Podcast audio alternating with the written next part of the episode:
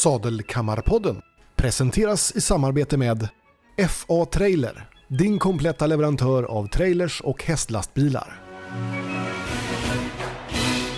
Och Horse Cab, uthyrning av hästlastbilar för B-körkort.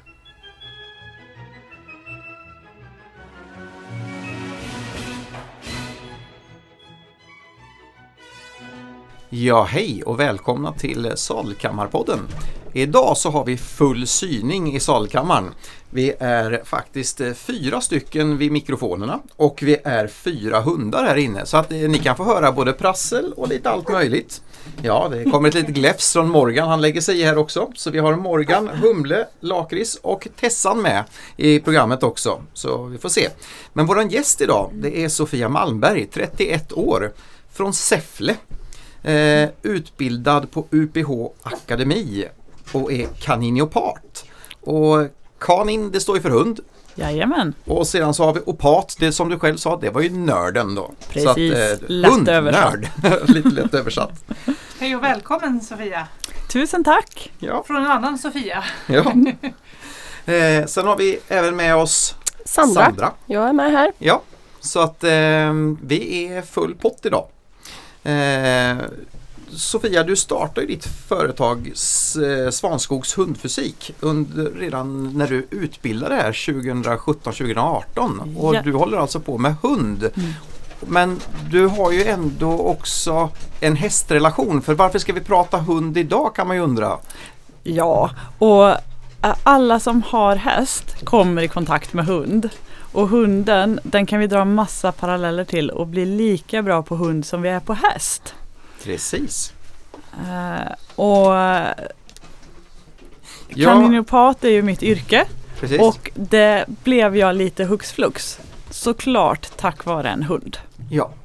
Och var det hund i stall eller var det, för du har ju en lite hästbakgrund också. Ja, jag började ju att jobba i stall och var ridguide och tog hand om knattelektionerna och mina kära shetlandsponnysar, eller ponnyfluttarna som jag kallade dem. Mm. Ehm, men sen så började jag att gräva. Grävmaskiner är ju häftigt så jag började med lite fiber. Det är ju lite ovanligt men det är klart coolt. Hästkraft och hästkraft liksom. Ja. Det, den ena kan man lämna på, i hagen ganska länge utan att någonting händer. De andra behöver mer tillsyn oftare. Ja, Eh, och det var ju tack vare fibern som eh, den här hunden kom in i mitt liv då. Hunden som jag längtat efter sen eh, jag kunde säga chefer. Ja. Eh, och jag letade efter en, då kallade man det ju för vit chefer. Idag heter det ju vit herdehund. mm. Eh, och jag leta, letade efter en hane, en stor vit hane. Jag fick en kolsvart pytteliten tik. bara konstatera livet har eh, lite lustiga eh, ändelser ibland. Det är Onekligen. inte som man har tänkt sig. Det sägs ju att man får den hunden man behöver. Ja, det, det fick jag. Ja som sagt det blir ju inte allt som man har tänkt sig men det kan bli bra ändå. Ja, det kan det bli. Och Gala hon öppnade ju mina ögon på väldigt, väldigt många sätt. Dels hur jag hanterar hundar, vilken relation, äh, ja, vad ska man säga, vilken etik använde jag mot min livskamrat och bästis. Och sen var det ju detta med att hon var ju en eh, diskvalificerad polishund. Mm. Eh, D-höfter på bilateralt, alltså på båda sidor. Eh, och behövde ju mycket träning och omsorg. Sen så var det så olyckligt att jag hade bråttom, stängde bildörren med Galas svans emellan. Aj, aj, aj. Och så kom vi i kontakt med en fysioterapeut för hund första gången. Mm. Och jag tänkte, det hade varit ett kul yrke. Sen tänkte inte jag så mycket mer på det förrän Gala blev sämre i höfterna. Och det var av ålder då förstår jag. Av ålder och eh, slitage helt enkelt. Eh, och eh, googlade som man gör. Eh, sen så pratade med eh, kompisar som hade hund, tittade vilken utbildning kommer passa mig, vilken får jag mest ut utav. Sen drog jag och Gala till UPH i Mm. Alvsered. Och vad, vad är då UPH? Eh, kan du beskriva lite grann? UPH är ett ställe som utbildar kaniniopater och ekvipater. Mm. Eh, framförallt då. Eh, och och eh, när jag gick där så hade de en jättemysig liten fin lokal i Älvsered. Eh, sen jag slutade så har de ju byggt ut både hundrehabet och hästrehabet. Eh, och eh, jag fick ju ta del av väldigt, väldigt mycket kunskap och i min klass som vi var så var vi ju en liten, liten klass. Så vi fick prata väldigt mycket. Eh, vilket inte alltid var uppskattat bland lärarna som vill åka hem. Men vi fick, väl, fick ut väldigt mycket på ett annat sätt Mm. när man är en, en bra dynamisk grupp. Och det var ju ingen av oss som hade en hel hund. Mm. Alla hade problem Det är liksom med hunden som har gjort Hunden att hade respektive tagit oss dit. utbildningen. Ja. Eh, helt klart var det så. Mm. Ja, för det är ju väldigt liknande egentligen. Det är fyrfotadjur båda två. Det är ju storleken på dem som skiljer åt men i, i grund och Mm. botten så finns det väl väldigt mycket likheter just mellan ekviterapin och eh, ki, eh, Ja, Kaninopati. Kaninopati. Du får träna. jag får träna på det helt Ja, enkelt. jajamän. Behöver helt klart uppsöka fler kaniniopater hör jag. Ja. Ja, jag kan säga att vi har gott om eh, erfarenheter från den andra eh, equisidan. Ja, Så att eh, där har vi tyvärr Mm. begåvats med, vi har, inte tyvärr, vi har begåvats med väldigt bra kontakter men Oh ja. tyvärr behövs det använda dem lite för flitigt. Mm. Och det där tycker jag är så intressant att eh, man har fått använda det för flitigt. Mm. Det har ju bara gjort er till lite vassare hästägare än många, många andra. Mm. Ja, men för vi har ju faktiskt en skyldighet med Mm. våra djur vi tar åt oss. Att det, det är mycket som kommer med det här paketet. Det är inte bara att det står en häst eller en hund hemma hos oss utan det här är en livskamrat, en kompis. De Helt ska klart. få den vård de förtjänar och eh, de har vi ska ju föra deras talan. Vi är ju deras advokater i, i världen. Ja, när vi har dem eh, det blir så mycket ansvar att det är lättare för oss, tycker jag, att vi ligger steget före och hela tiden kontrollerar av. Har du ont? Känns det bekvämt? Kan du utföra de här och de här rörelserna? Istället för att vänta och se. Precis. Jag Och på måste ju häst- tillägga då att, eh, förlåt Sandra, Nej, det var ing- eh, med på hästsidan, hästar där, så ja, får- jag tänker att mm. där har det ju blivit så eh, ganska stort nu. Det är ju ganska många som känner till liksom, vad det finns för alternativ och, och Mm. vad man kan ta för hjälp. Men på hundsidan, jag själv har faktiskt inte varit så mycket i kontakt eller hört. Nej, det är inte alls, det, det är inte, ja, både ja och nej att det är mycket pengar som styr. Eh, Mm. hästarna lägger vi ner, det är dyra Mm. djur och funkar de inte så blir det inte så kul. Och sen så har vi ju såklart alla sporthästar som faktiskt springer in pengar till sina stall. Mm. Det vi sa om dyra djur annars, jag kan säga att vi som sitter med tre mopsar här, det är ett enormt kilopris på de här små varelserna. Man jämför så att de är mycket dyrare i kilopris men sitter längst med. Sen har vi ju en fantastisk chefer också. Ja, Hon eh, väger lite mer. Ja. Mm. Nej men eh, vi har, eh, jag och Andreas, vi har träffat eh, ekviterapeuter som har hjälpt oss med hundarna också. Eh, men jag, det är ju faktiskt inte så att vi har gått till en kanopat. Men- Nej, och vad är skillnaden då? Alltså det är ju, vi snackar anatomi, då säger vi ju osteologiskt sett så ser ju människan, hästen, hunden väldigt, väldigt lika ut. Ställer vi oss på eh, alla fyra och hälarna pekar uppåt, det är ju hasen, precis som på hunden. Ehm, lederna finns där de finns, musklerna heter ofta detsamma, men det är storlek och struktur och riktning som skiljer. Mm. Och eh, i hundens fall är ett rovdjur. Arbetar på, ja mops och mops. Men ja, nej, jag, jag kan säga att lägg en liten köttbulle framför eller någonting sådär. Så, Det så finns en Ja, rovdjursinstinkt det finns en rovdjursinstinkt Ja. att behålla sitt byte alltså. ja, och hästen är ju ett flyktdjur vilket in, och dessutom är det ett betesdjur. Mm. Eh, så deras hals och nacke fungerar ju väldigt annorlunda. Eh, hunden ska ju kunna ta tag, bita fast och eh, ni vet så här, rotera huvudet. Medan hästen ska länge kunna hålla sitt huvud nedåt och rycka gräs när tänderna börjar ge vika. Då roterar de inte som en hund gör. Det gör ju hästen i stort sett bara när de får flugor runt Mm. ögonen. Mm. Eh, Så det finns helt klart skillnader. Men det som blir så spännande med att vara kaniniopat till skillnad från ekvi, ekvipat eller ekviterapeut. Det är ju att jag jobbar med arten hund.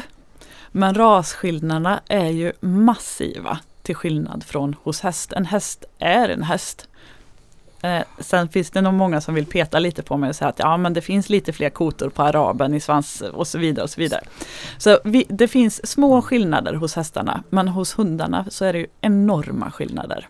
Ja, irländsk varghund mot mopsen så är det ju en den är väldigt stor. Ja, Ja fast eh, tänker vi då Fysiologiskt utseende. Fysiologiskt, men ja. grundbehoven är ju de samma. Eh, de vill också må bra. de vill också må bra. Mm. Så att, eh, Och eh, i och med att vi har avlat på så specifika egenskaper så har ju utseendet förändrats med egenskaperna. Eh, och därmed så har ju faktiskt mycket av grundrörelserna justerats om. Eh, jag menar mopsarna här, även om de springer fort för sin köttbulle så kommer vinthundarna att dra ifrån dem Mm. så kopiöst. För mopsen har inte anatomiska förutsättningarna för att springa samma distans i samma hastighet som en vinthund. nej. Likaså har eh, rottweilern ett fantastiskt bett eh, som inte går att mäta jämfört med en sheltie. Som fortfarande har en liten fin nos och man ser lite, man ser den här vargnosen, den utdragna nosen, men det är inte samma bitkapacitet överhuvudtaget. Men Quarter kommer fortfarande dra ifrån en shettis på distans. Den saken är säker och fort går det. Det har du testat. Det har jag testat. Ja, Nej, så det blir ju extremt mycket individanpassande blir Det det, för förstår jag. Och den här utbildningen är ettårig som sagt var. Mm. Men vad, vad kan man göra vidareutbildningar i så fall? Vad Ja. finns det man kan gå vidare Jag kunde del? ha lagt till att också utbilda mig till friskvårdskonsulent. Okej. Eh, också på UPH. Mm. Eh, och eh, då hade jag ju blivit lite mer nörd på att träna. Mm. Jag är ju ett skadefreak. Ja, du tar hand om de skadade individerna. Ja, och sen så när jag ser en individ så blir jag ju väldigt så här att aha, det där kommer göra ont om fyra, fem år. Oerhört pessimistiskt eh, person eh, är jag tyvärr i mitt yrke.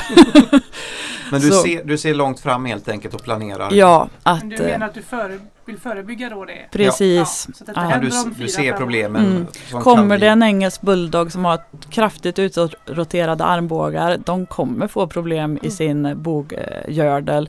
Eh, de kommer få sannolikt artros i sina karpalleder. Men den har inte det idag, så det finns ingen anledning att komma till mig. Jo, I för vi ska ju syfte, ja. träna den hunden för att klara av sin anatomi även sen. Likadant, du servar ju bilen i förebyggande syfte för att den inte ska gå sönder. Man ska Exakt. serva sig själv och du ska Ja. serva dina djur i den mån du kan. Helt, Eh, helt klart. Så att, eh, Då kommer man ju lite in på frågan vad använder du för metoder?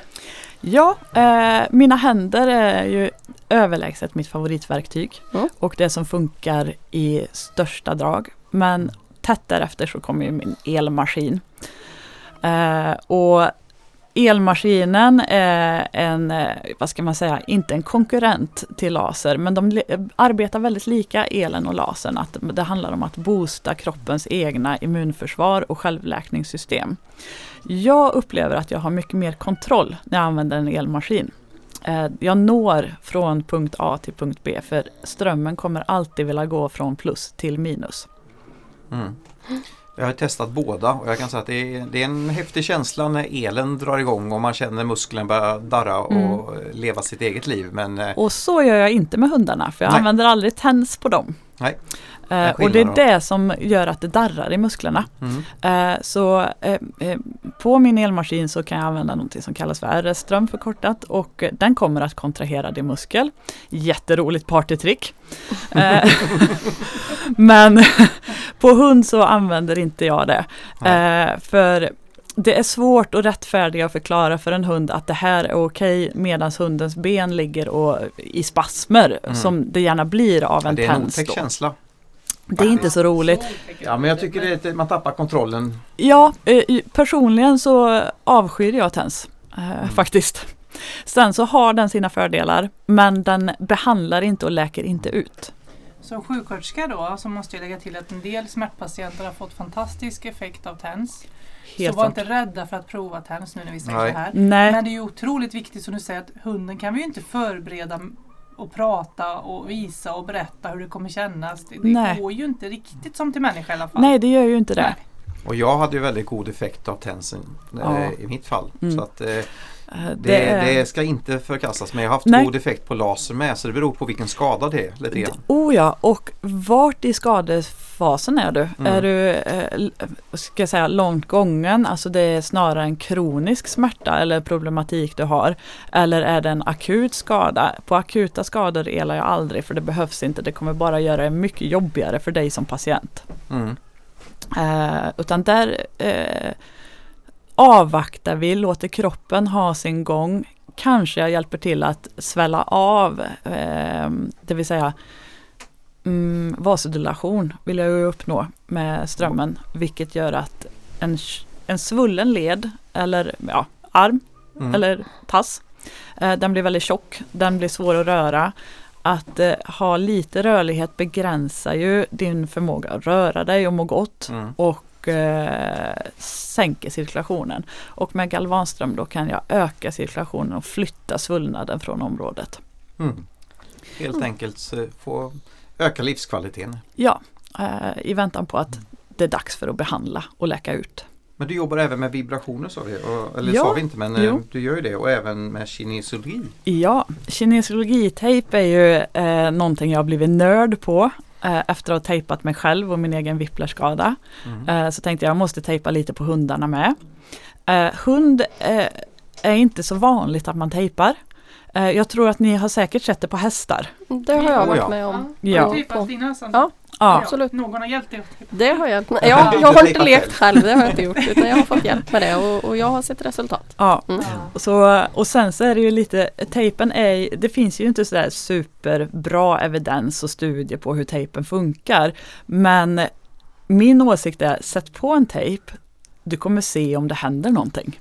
Inte silvertejp nu. Nej, ingen silvertejp. Ingen silvertejp. Eller, eh, nej, det ska vara kines, kinesiologitejp. Och den tejpen är ju speciell för att den rör sig med huden. Eh, så den är ju elastisk i 3D-format, tror Mm. jag man säger. Eh, så de, den har blivit min nya favorit och det tog ett tag att kunna börja tejpa för att det finns inga riktiga utbildningar in, eh, för tejp. Eh, så där har jag faktiskt varit och hälsat på lite hos Svenska Fysioterapiskolan uppe i Åre. Mm. Där det finns en tjej som, är, som brinner lite för det här med tejpning. Ehm, Men det måste vara lite begränsat. Jag tänker om jag kommer med min Ossi full av päls. mm, jag rakar den. Nej, Till en kinesisk nakenhund. ja. Eh, det är helt, helt klart lättare att tejpa korthåriga hundar. Ja. Eh, man måste ju tänka när jag sätter tejpen så vill jag ju åt receptorerna i huden. Mm. Eh, och tänker då ett pälsstrå som är kanske 7-8 cm långt. Det växer ju från en punkt som är mycket längre fram på hunden Mm. än vad pälsen sticker upp. Mm. Eh, och så det blir ju det som blir utmaningen. Men det går att få till. Tejpen ska sitta mycket högre upp än vad Ja, du egentligen Den eh, blir ser. förskjuten Mm. för att jag ska kunna dra i rätt eh, hårsäckar och stimulera rätt receptorer, de jag är ute efter.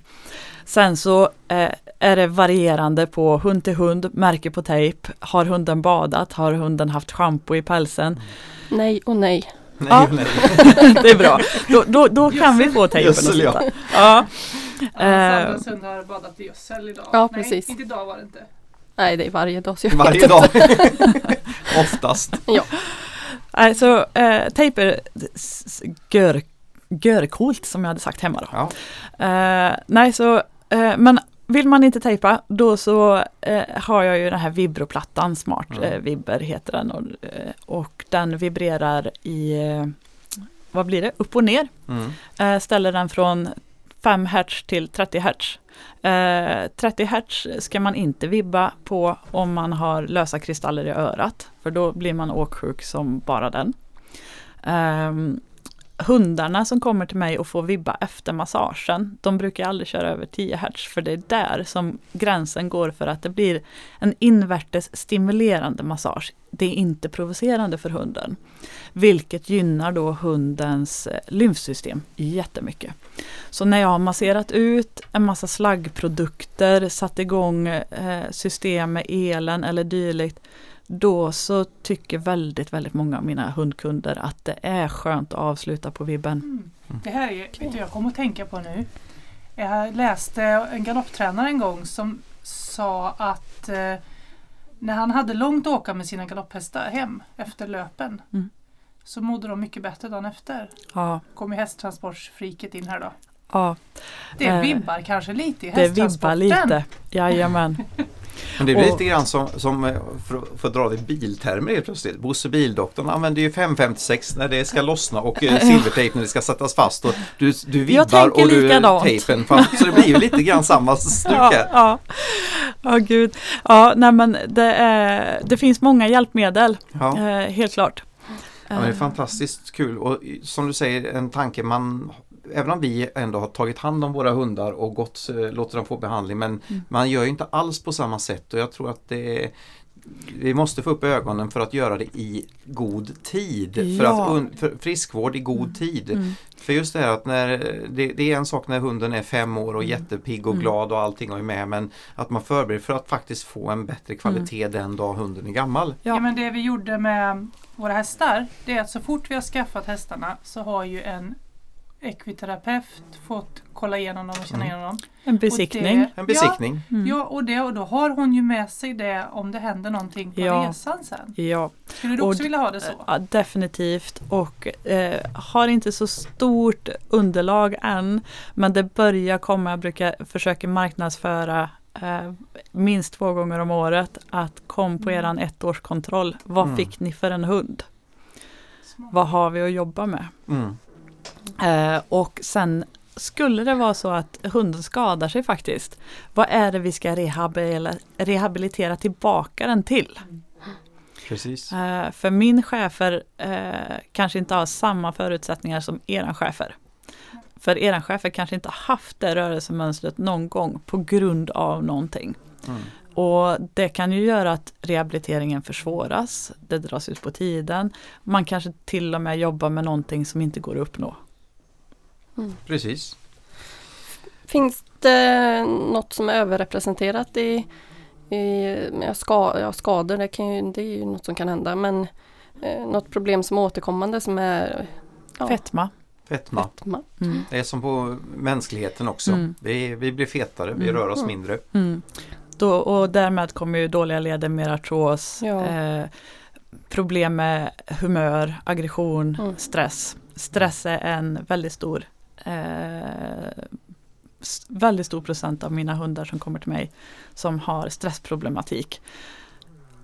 Och eh, vad beror det på? Det vet vi inte men mycket tyder på att eh, hunden har ont och haft det länge.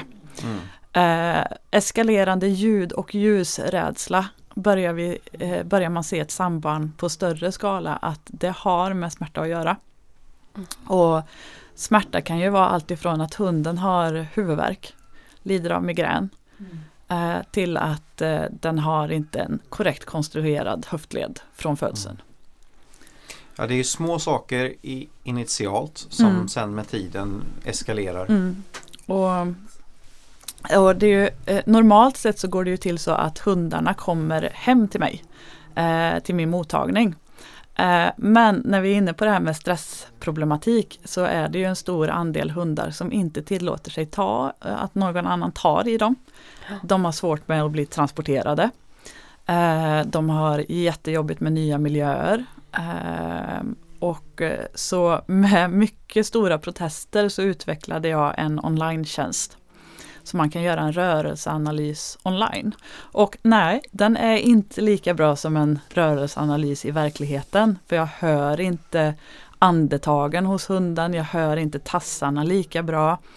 Eh, jag, får inte, jag kan inte be hunden att göra lite mer av det där för jag såg någonting spännande. Jag vill se om det var en slump eller inte.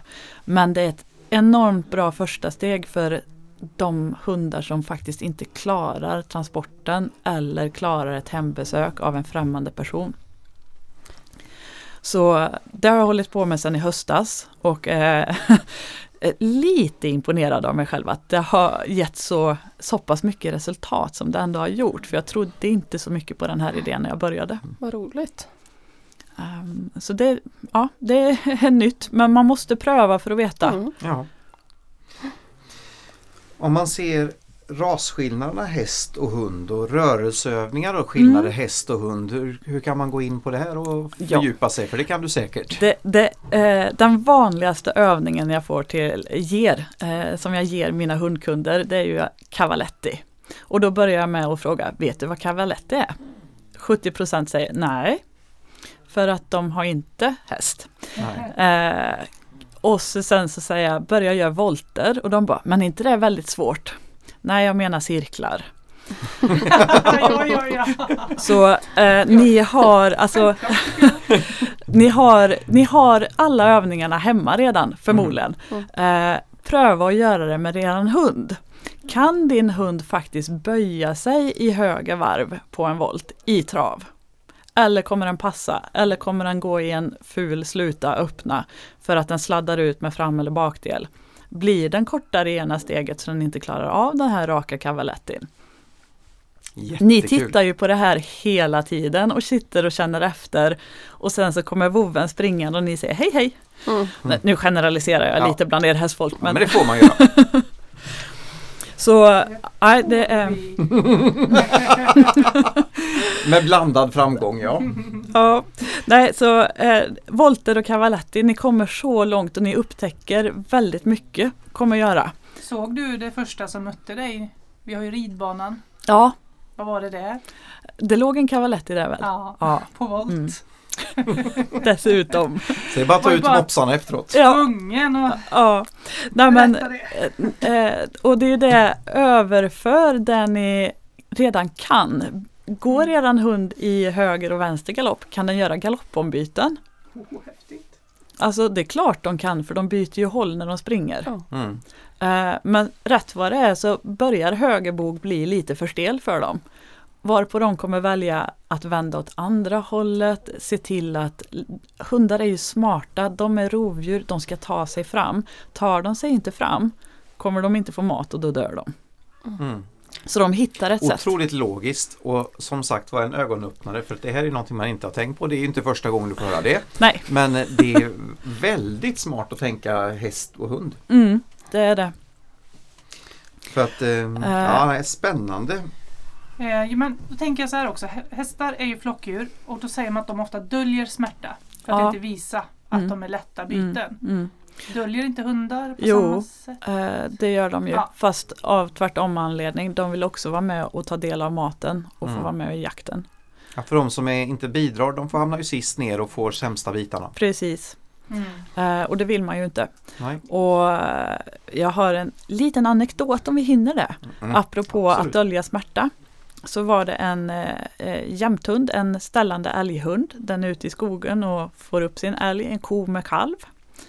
Eh, vid något tillfälle så får hunden en spark så höftbenet krossas och bäckenvingen bryts och bäckenet blir förskjutet. Oh, vad hemskt. Eh, och eh, hunden har stång, fortsätter ha stångskall på sin älg. Eh, älgen skjuts, hunden går fram, rycker den i örat, är jättemallig, ställer upp på bild med, hus, med skytten. Mm. Och sen ska de dra ut älgen ur skogen och då kan hunden inte längre gå. Mm. Mm. Hon jobbade, hon gjorde ju sin livsgrej, då bryr man sig inte. Adrenalin. Ja, det är ju så. Och det visas på om och om igen och man kan bli jätte klandra sig själv väldigt mycket. Hur kunde Mm. jag inte se det här? Hur kunde jag inte märka det här? Nu är det här ett extremt exempel men det är ju precis så det är i verkligheten också. Ja, jag har ju varit med om jakthund som drar in en stor 3 decimeter lång pinne rätt in i armbågsleden. Och, och Ja. Man ser inte det här för han springer och jagar först men Mm, mm. det kommer sen som sagt var. Och eh, smärta det tar, det tar man sist. Mm. Ja, och, men här har vi någonting som är lite kul också när vi pratar smärta och så. Mm. Placebo som vi pratade om Ja. tidigare lite grann och placeboeffekter i behandling. Men hur, hur fungerar det här på hund? Kan du förklara? För en hund kan ju inte ljuga om effekterna. Placebo är ju en effekt. Det handlar ju om att vi tror att vi har blivit bättre. Mm. Eh, och hunden har ju ingen förväntan på sin behandling. Eh, och kommer däremot sannolikt inte få någon placeboeffekt. Däremot så är det hundar hos mig som går hem, gör sina övningar med husse Matte. Husse Matte kommer tillbaka och säger att ja, det är fantastiskt. Han mår så mycket bättre nu. Vad bra tänker jag. Jag ska bara palpera igenom, klämma, känna. Har det hänt något? Och så skriker hunden. Den har precis lika ont som den hade förra veckan den var hos mig. Matte och husse har fått placebo. Mm. Eh, och det där är ju väldigt svårt att bedöma och dessutom så tär det lite på deras självförtroende som hundägare att säga att nej men den har faktiskt inte blivit bättre. Ja men den tycker det här är roligare. Det, den tycker det är jätteroligt att göra de här övningarna nu. Ja, för att kan ju faktiskt vara så enkelt att det är för att du har förstått poängen med dem och gör den här övningen tillsammans med en hund på ett sätt du inte har gjort förr. Det blir roligt. Mm. Den får uppmärksamheten av husse och matte helt Ja. enkelt och uppskattar på närkontakten. Mm, mm. Och, så det är en del av placebon. Sen så kommer ju den här härliga eh, grejen med att hunden har varit hos mig många gånger. Vet att det kommer bli så göttigt på vibben. Mm. Eh, hunden la sig på vibben, jag startar den inte och den beter sig precis likadant som om vibben stod och gick.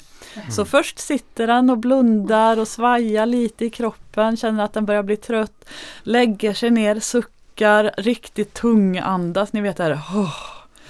Och så somnar till. Mm. Och vi sa att nu har han placebo-vibbat. Mm. Häftigt! Eh, Men Så- hunden vet helt enkelt vad som komma skall Ja, och den är så känner van att vid att- det här blir ja, jätteskönt. det här gillar jag slappna liksom. av. Det är nog ingen förvåning till dig som hade en häst som stod Mm. och petade med mulen på lasermaskinen hela tiden. Oh ja. Ja. han var helt, så fort han fick kommit till, till och skulle få sin laser. Ja. "Ha- Hallå, hallå, Mm, kom igen, starta nu. Ja, Det var liksom, inte. prata inte. hu- hundar som avskyr att bli blöta i pälsen, för jag blöter ju pälsen för att ge dem ström, ni som eh, har setts på många filmer. Eh, hår leder inte ström bra. Nej. Eh, så då får det väl lite vatten på dem och eh, de hatar att få det här vattnet på sig de två första gångerna och gillar inte att bada och sen så trycker de rumpan, sätter den så nära vattenhinken som möjligt och plaskar på du. Och vi som hade en chefer som eh, kunde bryta isen för att hoppa i och till och med. Så att, och labradorer med. Det, skulle bara badas. Ja, nej, alla är inte förtjusta i vatten och när hunden ändrar sitt beteende sådär. Samma hundar Ja, var ja. inte jättelyckliga när man gick in i Nej. duschen med dem. Oj, alltså det, då är det verkligen som man ska avrätta ett djur. Mm. man ska ta in dem i duschen, släpa dit dem. Mm. Så att det beror nog på. Men hur funkar det då med etiken mot ägare och hund? För det är ju som så att det, när de, ägaren kommer ju med hunden till dig. Mm. Hunden har inte valt att själv komma till dig. Nej. Det här måste ju vara ganska svårt för det är ägarens önskemål som förmedlas och ser du att behovet Mm. kanske är något helt Mm. annat. Och, och så, för det, Och det där hade jag jättemycket problem med i början. Eh, för att jag kände en prestation att kunden har köpt den här produkten av mig. mm, Eh, och eh, rent ut sagt körde över en del hundar för att leverera till matte eller husse. Mm, Eh, och det jag menar med att köra över det är att hunden har inte alls varit med på noterna. Eh, den ville inte gå upp på bordet. Eh, den ville inte lägga sig. Eh, men en hund som är, ja men säg under eh, under 40 kilo, den kan man lägga ner ganska Mm. enkelt om man vet hur man håller och hur man tar. När hunden väl ligger ner på sidan då behövs det ju en, en hand, min hand på motsatt sidas tass då, eh, tassen mot Mm. golvet. Håller jag i det frambenet då blir det svårt för hunden att resa sig upp. Det ser inte ut som att jag utsätter hunden för tvång eller våld egentligen. För det är ju så liten ansträngning för mig. Men hunden försöker trots det att ta sig upp och gå därifrån. mm. För det här är jättesvårt för tittar man, hunden har ju så djupt rotat i sig att Mm. den vill ju vara till lags. Ja, Det ser man ju inte minst på yrkesutövande hundar som oh ja. kanske lär sig att hoppa fallskärm med husse och man är attackdykare och allting. Mm. Det här är så långt ifrån dess verklighet och ändå gör de det för de har förtroendet för Ja. dig som ägare och, och vill hur? vara till lags. Och det är ju nästa, jag kan tycka det blir lite hjärtskärande att de Mm. Utsätter sig själv för våran skull. Ja, Eh, för det är ju det de gör det gör de. där och då. Eh, och jajamän, det är för hundens bästa. Det kommer bli bättre sen. Men det rättfärdigar inte att jag våldför mig mot dem Nej. nu. Ehm, Etiskt och väldigt svår gräns alltså. det är det för att eh, det finns hundar som man så att säga, de behöver lite övertalning. Eh, Mm. Det uttrycket eh, förstår ni kanske vad jag menar Oh ja. med att ja, lite handpåläggning och lite mutande och lite lockande så utför de det. Och det kan man göra med en del hundar. Med andra hundar så raserar det allting. De kommer inte sätta sin tass innanför och jag löper en stor risk och kanske till och med blir biten nästa gång. Men då kan jag, har du märkt rasfysiologiskt på hundarna eh, stora skillnader i hur de är mot dig? Jag tänker nu av egen erfarenhet så har jag ju tänkt att en hund är en hund men sen den dagen vi skaffade mops så inser jag att det är en helt annan skillnad på hur vad den går med på och inte utan Mm. ropar jag på chefen så kommer hon till mig medan chefen eller mopsen tittar på mig och tycker jag är helt idiotisk. Här- Jag nosar här och jag är här.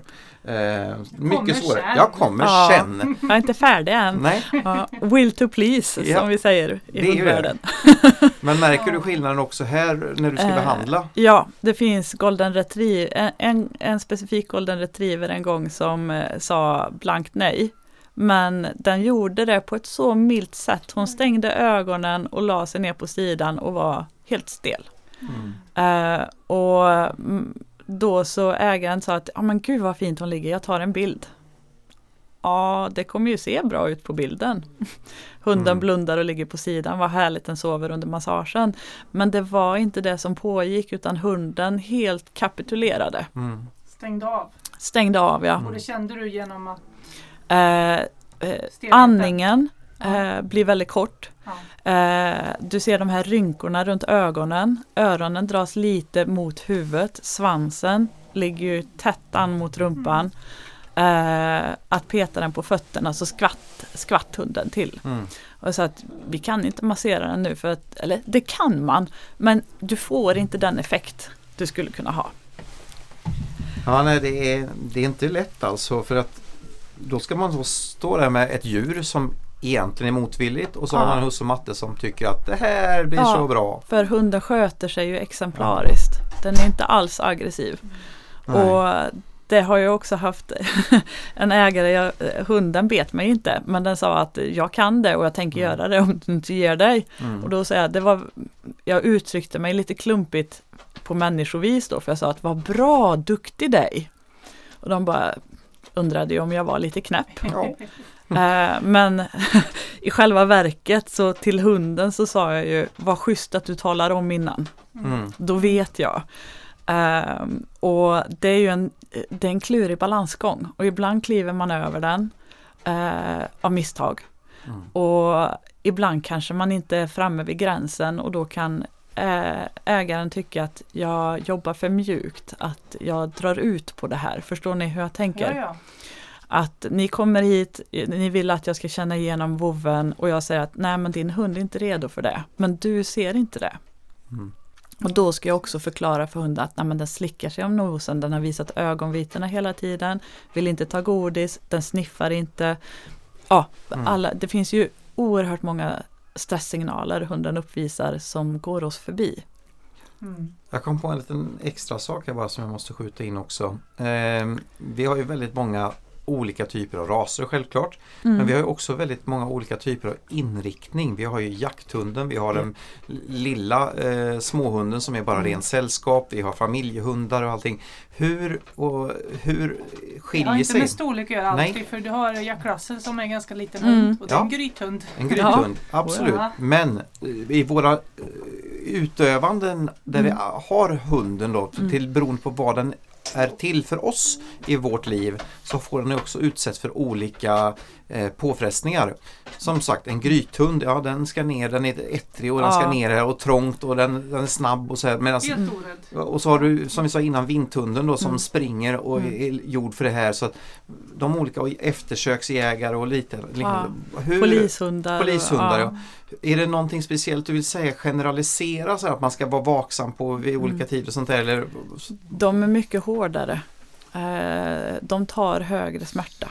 Mm. De Eh, är... eh, de, eh, de här hårt arbetande fysiskt Mm. aktiva hundarna. Terriern tar väldigt, väldigt mycket smärta. Mm. Eh, sen så finns det schäfertanter som shåpar sig och åmar sig Oh, ja. mycket. Jag har, en, jag har en som står Har en i armbågen här så nosar lite i fickan. Nej, men, eh, så alla individer, helt klart. Mm. Men eh, generellt sett så en hund som är van vid att gå ut ganska hårt, jobba hårt, eh, kan vara också IGP, de här eh, skyddstränade hundar Mm. som man tävlar med. att man backar inte för att det gör ont. Eh, och sen så har jag ju träffat eh, en liten chihuahua, fullkomligt stoneface. Mm. Jag tål allt, Ja. var inställningen den hunden hade. Eh, så, och så golden retriever är ju en väldigt speciell ras, Det kan tycker det ha att göra med deras första livserfarenheter, miljöarv och Mm. Definitivt, så. ja, absolut. Och eh, Goldisarna som har en otrolig välmening och välvilja till sin förare och ägare. De klagar inte. Eh, de är inte hårt arbetande och tuffa jakthundar som ställer vildsvin. Men de har en sån enorm välvilja så vi klagar inte. Mm. För Ja. det verkar, jag tror att en del hundars största önskan är bara att hålla oss glada. Ja, Ja men så är det. Och då visar man inte hur dåligt man mår. Nej. Om, om man ska tänka i vad vi håller på med för övrigt, vi säljer ju Mm. släp också och, Ja. och då är det ju som så att ett släp, Även hund. hu- ja även hundsläp Även faktiskt. hundsläp. Vi har ju Mm. eh, ett stort utbud av hundtrailer. Upp till 32 hundar som man kan frakta Mm. och från en till en Mm. liten fyl, fyrling så ATV. Men, men strunt samma. Det jag tänker på är att ju mindre man använder sin trailer Mm. desto större blir servicebehovet om man faktiskt Ja. underhåller det här. Och då tänker jag lite grann familjehunden. Hur Ja. ofta ska man komma på den här? Är det en årlig kontroll? Eh, är en hårt arbetande hund? Är det mm, en mm, halvårsvis? mm. Eller så? Den och, och du hårda- generaliserar bara. Ja. Vad tycker du? Om man drar lite hårdraget Mm. eh, så den hårt arbetande hunden behöver inte komma lika ofta för den Nej. har ägaren så bra koll på. Den känner igen den så väl. Precis att nu stör någonting. Då kommer de när de ska. Ja, För att använder du regelbundet och hinner inte bäcka igen utan Nej. det blir mindre underhåll Du på det sättet. släp. Du Man- ser det, släpp och känner ja, det. ja, ja.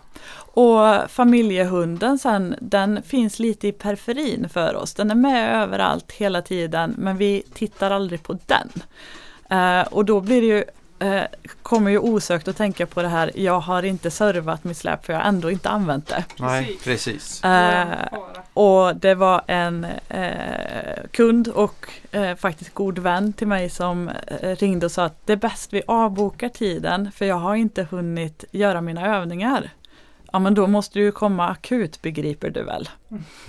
För att då måste ju jag göra det åt dig. Mm. Mm. Eh, så Ja, det, det är eh, arbetshunden, den har, den har man bättre koll på för den Mm. måste fungera. mm. Eh, och som jag skulle inte se backspeglarna om jag saknar luft i ena däcket på släpet. För jag är inte van vid att se släp i bak, backspegeln. Bra jämförelse.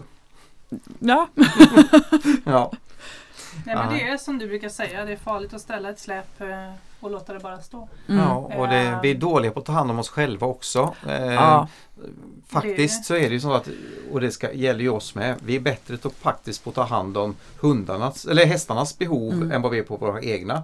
Och som eh, hundarna får till och med, i bästa fall så får väl hundarna som vi själva tar kan jag väl säga. För vi har ju ändå behandlat våra hundar till viss del men det, man, man glömmer lä- lätt bort det här. Mm. Och, eh, och som ryttare ska man ju vara extra noggrann med sig själv. För mm. när man sätter sig på hästen så har man ju en väldigt stor inverkan. ja, det- Och funkar inte jag så kommer inte hästen funka lika för då bra. sitter du inte i Nej. rätt sits och så Nej. kommer du påverka för hästen Mm. känner ju av att du är, inte är rak i kroppen och så kommer hästen kompensera för det. Och, men, Ja, och så rullar tåget iväg liksom. Och det där eh, kommer ju ofta som argument med att jag behöver inte gå med min hund som inte uppvisar problem. Mm. Eh, men du påverkar hund, eller majoriteten av oss har våran hund i koppel vid Mm. något tillfälle. De flesta flera gånger om dagen. Och eh, hunden drar inte i koppel. Nej, vad bra. Gör du det då? Eh, Gala, min äldsta gammelchefer som är en änglachefer nu. Eh, hon eh, hade ju ett helt annat rörelsemönster i Mm. koppel eller lös. På samma Oh, ställe vid samma tidpunkter. synnerhet schäfrar har lätt det. Ja, för de är så uppkopplade mot hur vi beter oss och rör oss och vill vara följsamma. Och på senare tid blev det ju för Gala då med den här höftledsdysplasin. Hon var ju beredd på att matte kan ta tag i kopplet och dra. Då måste jag vara beredd på att balansera mig. Mm. När kopplet var av så visste hon att hon har bara sig själv i miljön att kontrollera. Mm. Ja. ja, för det är ju det du sa änglahund. Eh, Det är Mm. det. Du får ju också komma i kontakt med djur som kanske börjar komma till livets slutskede. Ja, Ehm, och jag kan tänka mig, för vi, vi pratade om det här i ett tidigare avsnitt om Mm. hästar var det då. Men, Mm. Och det kan ju appliceras på alla våra djur. Det är ju inte lätt att eh, när det är dags så att säga men vi har ju en skyldighet att göra det bästa vi kan för våra djur men påverkar du någonting? Att, när, hur, tar du din behandling och allting Mm. till den när, när du ser att Nej, men nu är det nog dags? Säger du det till den? eh, det, det måste jag göra för jag får aldrig förlänga ett djurs lidande. Nej. Men sen kan jag aldrig säga att det är dags nu. Eh, Det är veterinären som har Mm. den kompetensen och eh, medlen att hjälpa dig i det steget. Så du rekommenderar helt enkelt att du ska nog rådgöra med veterinär om det Ja. inte är dags nu? Ja, och i vissa fall så har jag sagt att din hund får inte mer massage eller elterapi för att det gynnar inte hunden längre. Eh, Det är för att sätta plåster på ditt samvete helt enkelt. Ja, eh, det blir lite eh, När jag strömmade Galas höft så var hon skitpigg i tre dagar, sen fick jag strömma igen. Mm. Eh, höften är inte hel längre, den funkar inte för henne. Men så länge den är så pass högst smärtlindrad så ser inte jag att det stör henne. Mm. Och då känns det som att jag kan ha kvar henne längre. Mm. Och med Gala blev det ju så otroligt smärtsamt för hon gav sig ju på lilla syster Sera. De är inte släkt men Mhm. hon har ju uppfostrat henne som lärt henne Ja, allt jag kan. är det. Ja, ja, Eh, och Leo Långhalm var väldigt goa med varann. Eh, och eh, gammelvoffan sa att nu är det nog och gav sig efter den här lille, eller lille, hon är ju större och starkare, yngre. Mm. Men det var ju hennes skyddsling som hon en dag bara står inte ut längre. Eh, och då känner jag ju som att i och med att jag sitter i det här arbetet så borde jag ha sett det här komma. Ja, det Men Men Se, har man problemet Mm. för nära sig så är det lätt att bli blind för det. ja, Det är ju bland det svåraste som finns att se sina egna. Tillkortakommanden. Ja. Ja, det, är, som eh, jag tror det var osteopaten eh, som var med i en eh, tidigare Linnea avsnitt Stray, Ja. ja. som sa att det går inte att behandla sig själv eller sin egen häst. Nej. Eh, och nej, det, jag känner igen mig så mycket i det. Mm. Eh, att det blir eh, jag, jag kan faktan, jag kan logiken, jag kan biomekanik och rörelseanatomi och så alltihopa det här. Mm. Men Eh, det, du får ett ja, filter känslorna är ju i vägen. Mm. Ja, men det är skitsvårt. Eh, och mitt yrke går ju ut på att eh, jag ska minska hundars lidande. Mm. De ska inte behöva ha ont, de ska må bättre. Och där ingår ju där automatiskt att jag måste också kunna se att den här individen ska inte få mer behandling för det finns inget i hans eller hennes kropp som orkar mer. Nej, precis. Eh, Så då har du någon, Uh.